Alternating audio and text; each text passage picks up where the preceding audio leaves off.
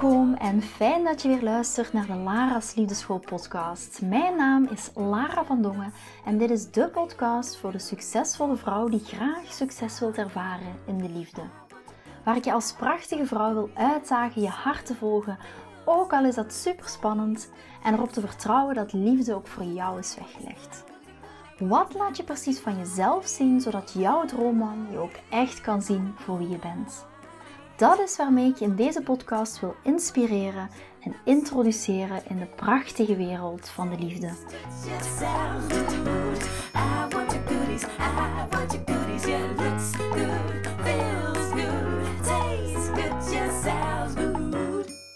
Tijdens deze podcastaflevering ben weer heel blij om Ilse te mogen introduceren. Ilse Jespers van Matchmaker Brabant. Wij hebben een aantal maanden geleden is het nu al samen eens een podcastaflevering opgenomen. En we voelden zo natuurlijk, voelden zo fijn, voelden net als uh, thuiskomen zou ik maar zeggen.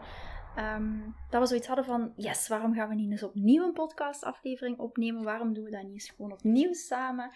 En misschien een, klein beetje een, uh, een inkijk daardoor ook achter de schermen. Uh, was de bedoeling van vandaag, eigenlijk hebben we allebei niet echt een idee wat de, wat de bedoeling is. Um, we hadden zoiets van, vorige keer was het zo'n natuurlijk gesprek dat we het nu ook op ons af laten komen. Uiteraard gaan we het hebben over de liefde. Um, misschien is het fijn als, als Ilse zich zo dadelijk nog eventjes voorstelt. En uh, wat we gaan doen, hè, dus het kijken achter de schermen, is... Ik ga Ilse gewoon een vraag stellen die zo dadelijk, uh, als Ilse zich voorstelt, bij me binnenkomt. Waarvan ik denk van, hmm, dit zou ik wel graag eens over Ilse willen weten. Puur op vlak van uh, de liefde dan. Misschien jouw liefdesleven. Dus uh, ik ben heel benieuwd. Dus ik laat Ilse nu even aan het woord, dat je jezelf kort nog even kan voorstellen. En dan laat ik de vraag die ik voor jou heb al even binnenkomen. Nou, wat leuk. En ook super leuk dat we dit weer gaan doen. Ik heb de vorige podcast ook hele leuke reactie, reacties gehad. Nou, ik ben dus Ilse en ik heb een, uh, datingbureau uh, gericht op Brabanders en ook eentje voor paardenliefhebbers. Um, en ik ben nu al ruim vier jaar echt actief in de liefde om mensen samen te brengen. Nou, dankjewel. Heel leuk, Ilse. Ik kijk er heel erg naar uit. We hebben hier ook, uh, als jullie het horen, misschien op de achtergrond wat auto's. Want we zitten bij Ilse op kantoor. Ik ga uh, toch het raam dicht doen. Ilse gaat heel eventjes het raam dicht doen. Dan hebben we iets beter, uh, iets beter geluid. Dat is toch altijd fijner. Dan hoeven we daarna ook niet te editen. dus, dus bij deze. En ja, dit was het verhaal van Ilse. En wat nu bij me binnenkomt, is misschien heel interessant voor jullie om te weten. Maar waar ik altijd heel erg benieuwd naar ben, ook bij andere mensen, is van... Uh, wie ben je nu als persoon in je relatie? Hoe ben je ook uh, gedurende de laatste jaren geëvolueerd als, als mens, als vrouw in je relatie? Uh, omdat ik mezelf daar ook in herken. Als ik terugkijk naar mezelf, de Lara van acht jaar geleden, stond ik op een hele andere manier in mijn relaties dan nu. En je maakt er een evolutie in door. En daar ben ik misschien wel benieuwd naar, Ilse, op jouw visie daarin. Van hoe sta je nu in je liefdesleven? Wat heb je de laatste jaren doorgemaakt? Ook het werk aan je interne keuken, noem ik het dan een beetje. Mm. Um, wat zijn de stappen die je daarin hebt gezet? En hoe ziet het er anders uit dan misschien een heel aantal jaren geleden. Dus ik zou zeggen, back into time. Oh, nou, ga er maar voor zitten.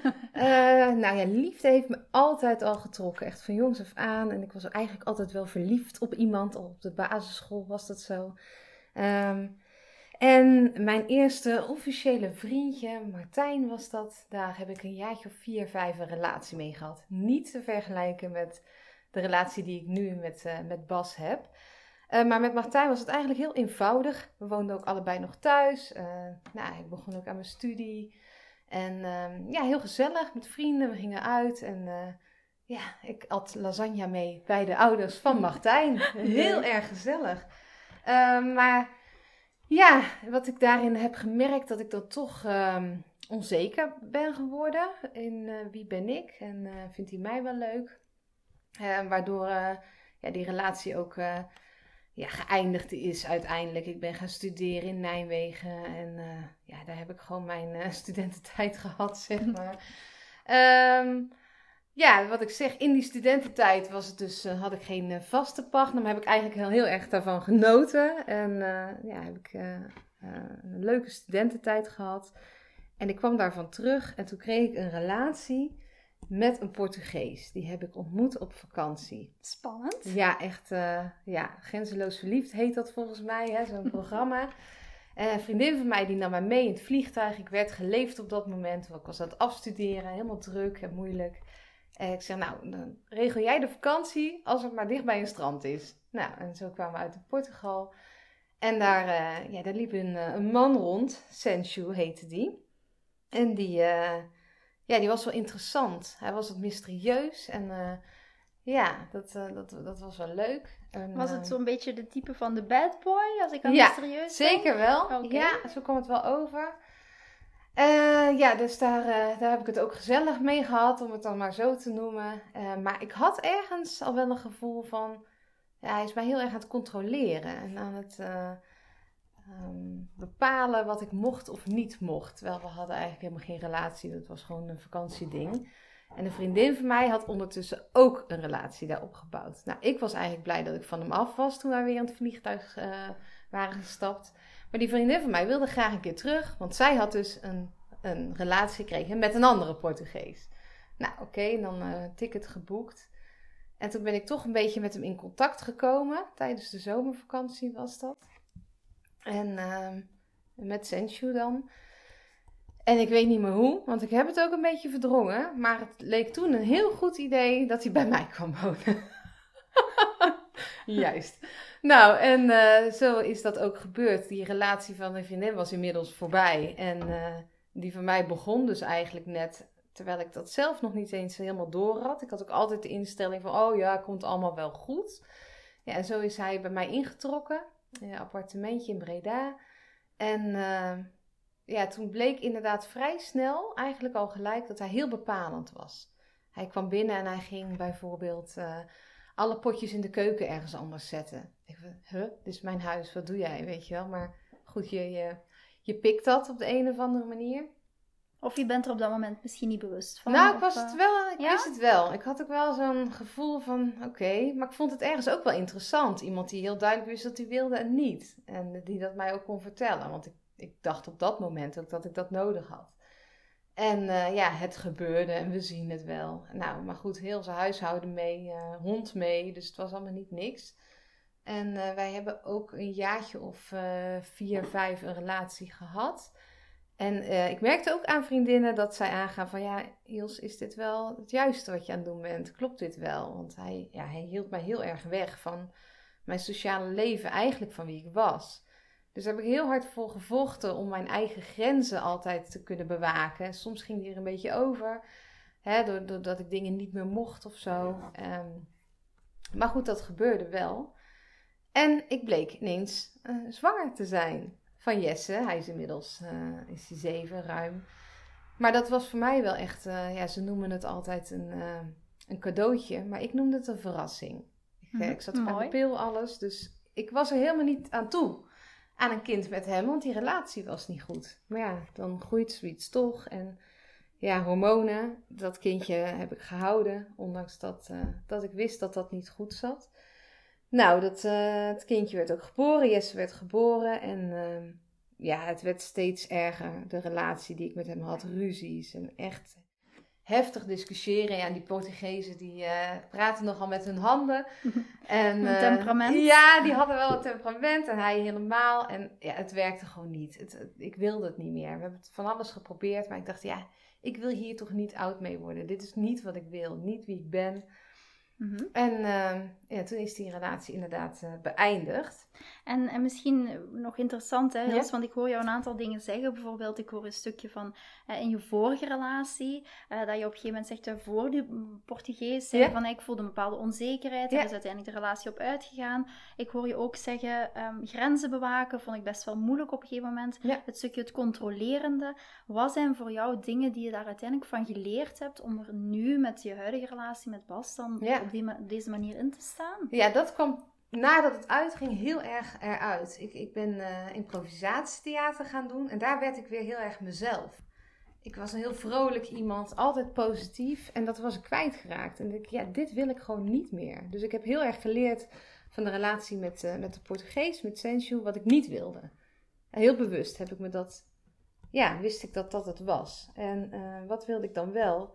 Ja, iemand eh, die ik kon vertrouwen, die er voor mij was. eh, waar, ja, waar je er samen heel gelijkwaardig in staat.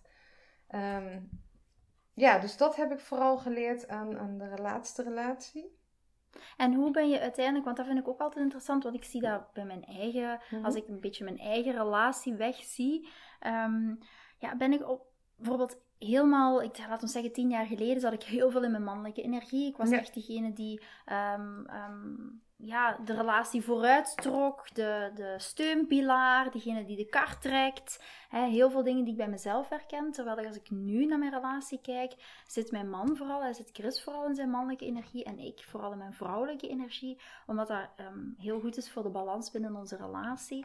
Nu, uiteraard heb ik daarvoor aan mezelf, ehm, om het dan zomaar met een misschien wat negatief woord te zeggen, aan mezelf moeten werken. Mhm. Of in ieder geval mijn interne keuken wat moeten opschudden. Ja. En, ehm, en eh, andere recepten verzinnen, zou ik maar zeggen, om... ehm, uiteindelijk ga je niet plotseling met je ving- vingers knippen en zeggen van oké, ik ben altijd in mijn mannelijke energie en plotseling vingers knippen en nu ben ik alleen maar in mijn vrouwelijke energie. Daar is een heel intern proces voor nodig. Ik ben daarvoor achter patronen voor mezelf gekomen. Ik ben gaan kijken ook een stukje naar mijn hechtingsstijl. Waarom neem ik bepaalde keuzes? Waarom kies ik elke keer eh, emotioneel onbeschikbare mannen? Ehm, dus eh, ook voor dames die hier nu naar luisteren en zoiets hebben van, kijk, ik herken me wel in dat stuk van Ilse. Ehm, ik herken me ook wel dat ik die, die keuze heb gemaakt. Wat heeft ervoor gezorgd binnen in jouw interne verandering? Ben je voor jezelf gaan kijken naar, oké, waarom heb ik die keuze gemaakt? Eh, in je eigen proces, daar ben ik Ja. wel nieuwsgierig naar. Nou ja, dat, dat komt dus eh, inderdaad door, eh, doordat ik wist, dit wil ik niet meer. Toen ben ik Bas tegengekomen, precies op dat moment eigenlijk. En ehm, hij heeft me vooral ook in laten zien dat juist dat vrouwelijke, want ik ben ook dat mannelijke, ook aan het ondernemen, altijd al gehad. Maar dat juist dat vrouwelijke eh, stuk, dat dat eh, het heel interessant maakt voor de man, maar het ook veel liever voor jezelf is om een relatie aan te gaan. En dat het ook daardoor gelijkwaardiger is. En Bas is iemand die mij dat heel erg heeft in laten zien. Die, die hield gewoon de spiegel voor. En ehm, eh, het is niet dat ik in die tijd daar niks aan heb gedaan. Eh, ik heb zeker ehm, eh, gesprekken gehad, eh, psychologen geweest. En vooral ook heel veel met vriendinnen. Ehm, maar hij, hij is toch wel degene geweest die echt de spiegel voorhield en nog voorhoudt. Dat doen we alle twee trouwens, doe ik ook bij hem. Want hij heeft dat natuurlijk heel erg nodig. Maar we kunnen daar ook met humor naar kijken. Dus Mhm. dat is denk ik ook heel... Het hoeft allemaal niet zo heel zwaar te zijn. Want ieder heeft wel zijn dingen. Maar als je dat toch heel serieus aan kan gaan... eh, maar, maar ook met wat humor... dan is het gewoon ook leuk om dat te doen. En dan zie je de groei. En dan zie je, oh ja, zo gaat het beter. Ja, dat vind ik een hele mooie die je zegt, want dat zeg ik ook heel vaak in dames die bij mij het trajecten volgen, van kijk, probeer het ook met een bepaalde licht en luchtigheid. Vrouwelijke energie is ook go with the flow, licht en luchtigheid. En met humor, maak het allemaal ook niet te zwaar. En wat ik ook heel mooi vind, vaak komen dames ook bij mij en zeggen, Lara, ehm, ik wil bij jou heel graag bijvoorbeeld een traject volgen, maar ik moet eerst nog aan mezelf werken. Dat is iets wat ik heel vaak terughoor. Maar ik zeg altijd, ook een relatie, en dat is wat jij ook teruggeeft, ook binnen in je relatie kan je samen groeien. Ik zeg altijd, we Ja. gaan samen een bouwpakket samenstellen. We gaan niet voor een afgewerkte Ferrari, dat hoor je mij heel vaak zeggen, maar we gaan dat samen ontwikkelen. En dat is hetgeen wat jij zegt, van ook binnen in je relatie. We moeten niet helemaal af, af zijn, we moeten niet 100% perfect zijn, we moeten niet 100% van onszelf houden om die relatie te kunnen aangaan. En Ja. dat is hetgene, vaak komen dames bij mij en hebben ze eerst gezegd, ja, ik heb al vijf jaar aan mezelf gewerkt en toch komt die partner niet. Maar je kan, dit kan je ook echt samen doen. Een partner Ja. die die spiegel Samen in groeien, samen ontwikkelen. En dat is mooi wat jij ook zegt. eh. Ja. En ik heb, eh, ik heb daar straks net voor dit gesprek trouwens ook met eh, Bas gesproken. Oh En eh, Bas is ook heel spiritueel, Ja. hè, dus dat is ook mooi om te zien. En ik kan me echt wel voorstellen dat hij ook zeker jou die spiegel voorhoudt. Ja, Dus, zeker. En het is ook andersom. Maar wij vinden het alle twee ook heel belangrijk. Ook, ja, dan hebben we nu dit stukje gehad, maar de volgende keer is het weer een volgend stukje wat we aan kunnen pakken. Oh, dit wist ik eigenlijk ook niet van mezelf. Dat komt nu naar boven. Eh, laten we dat eens onderzoeken. En daar geven we alle twee heel erg de ruimte voor, heel bewust, eh, om te groeien. En ieder zijn pad. Want hij heeft inderdaad dat spirituele stuk. Nou, dat, daar dat heb ik een stuk minder, laat ik het zo zeggen. Maar daar laat ik hem wel mee in zijn waarde. En ik zie hem daar ook heel gelukkig van worden en daarmee groeien. Wat uiteindelijk heel fijn voor onze relatie is. Nou moet ik nog wel iets bedenken hoe dat hij ooit een keer het afwassen en het stofzuigen gaat doen. Maar uh, ja, die hoop heb ik nog niet opgegeven. Daar eens een andere, een andere podcast Ja, ja oh, daar moeten we een weekendje voor uittrekken, denk ik. maar eh, ja, juist ook dat met humor uh, aanpakken. Maar echt ook serieuze zaken aanpakken. Dat, ja, dat, dat is heel fijn. En dat doen vrienden ook voor je. Want vrienden, als je goede vrienden hebt, die hebben ook het beste met je voor. Zullen jou ook dingen teruggeven die je eigenlijk niet wil horen. Uh, maar die wel goed voor je zijn. Als je daar een beetje naar kan durven te luisteren en daar iets mee durft te doen. Ja. En vooral er ook open voor staan. Hè? Vaak in onze relatie, dan herken ik ook van de vorige versie van Lara, zal ik maar zeggen, dat ik heel vaak ging wijzen met de vinger naar, ja, maar jij doet dit niet en jij doet dat niet, jij doet zus niet. Mhm. Maar soms zit daar net zit de boodschap van, oké, ehm, waar kan ik naar mezelf kijken? En dat is net, kan net die katalysator zijn om maar dan wel er open in kunnen blijven staan. En, en daar ook open-minded in kunnen zijn. En dat is wel, dat is wel een hele mooie. Um, misschien iets wat ik nog interessant vind, omdat ik zeker ook heel veel bezig ben met de balans tussen mannelijke en vrouwelijke energie. Waar merk je aan jezelf uh, dat je dan nu bijvoorbeeld uh, meer in je vrouwelijke energie kan zijn in je relaties? Omdat ik zie dat zelf ook. Met Lara's Liefdeschool ben ik continu met mannelijke energie. En dan mhm. moet ook, je stelt bepaalde doelen, je hebt bepaalde dingen die je wilt bereiken. Dus heel veel mannelijke energie. Hoe merk je voor jezelf dat je zoiets hebt van, oh oké, met Bas omdat hij jou die spiegel voorhoudt, kan ik meer in mijn vrouwelijke energie zijn? Ja, uh, dat vind ik wel nog steeds heel erg moeilijk. Maar uh, dat is bijvoorbeeld een vraag stellen. Gewoon hulp vragen. En dat gaf uh, Bas vrijwel in het begin ook aan. Van ja, hoe fijn is het dat je als man ook iets, iets voor een vrouw kan doen. Want wij zijn allemaal zo zelfstandig. Wij kunnen het allemaal. We hebben jullie allemaal niet nodig. Maar ja, dan is het voor een man ook niet leuk om, om dat te kunnen doen. En hij krijgt nu die ruimte. En hij vindt het eigenlijk hartstikke leuk om mij te helpen. Nog steeds niet met de afwas en het schoonmaken.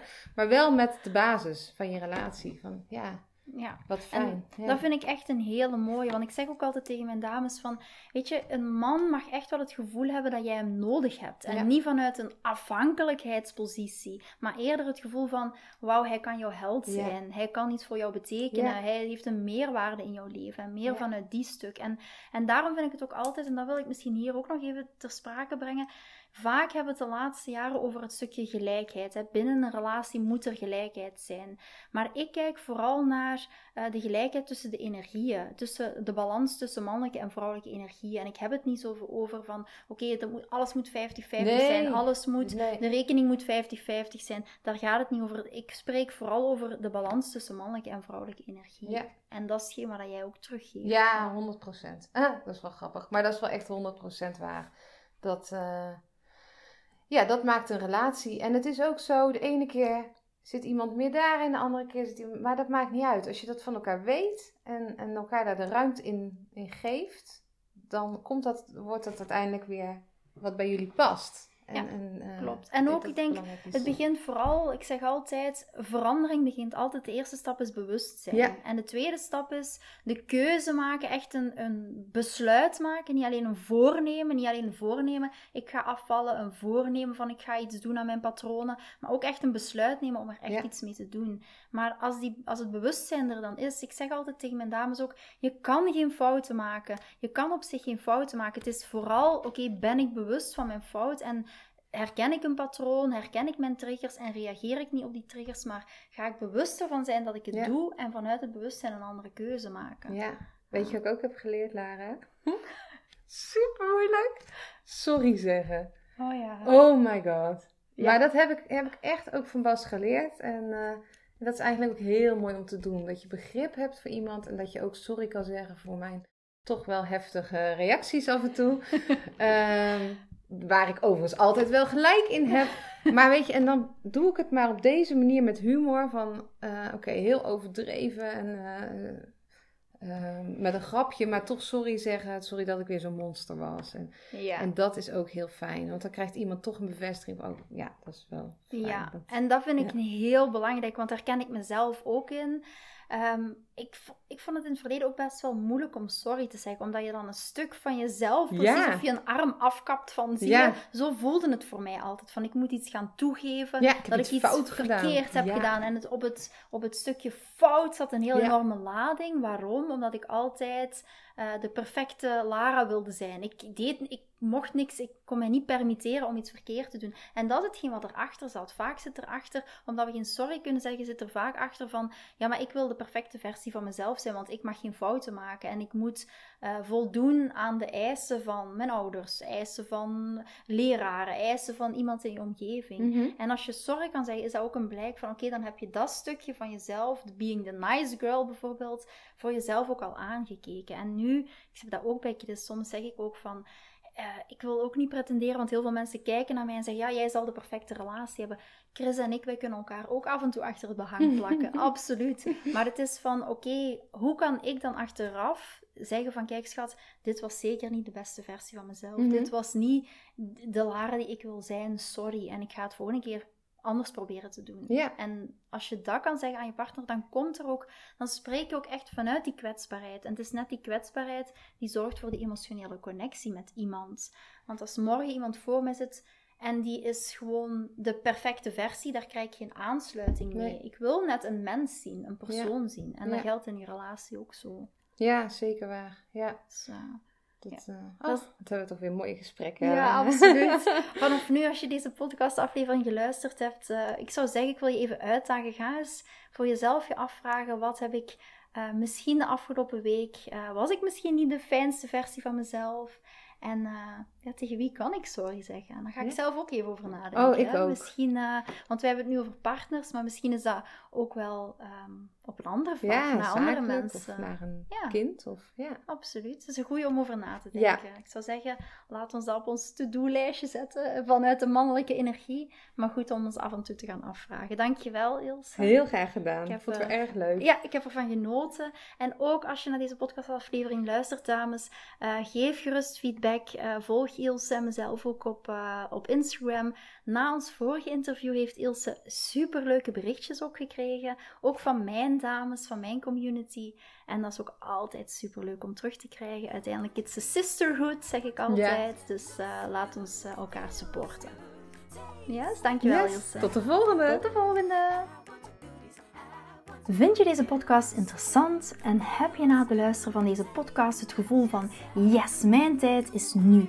Ik wil ook graag die mooie, verbindende, romantische relatie.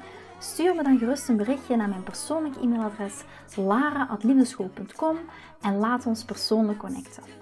Zoals jullie weten vind ik interactie met jullie geweldig. Dus heb je een vraag over je liefdesleven of loop je ergens tegenaan tijdens een daten of in je relatie, dan kan je me altijd een berichtje sturen. Ik vind het ook super leuk om te horen wat je voor les of inzicht uit deze podcast hebt gehaald.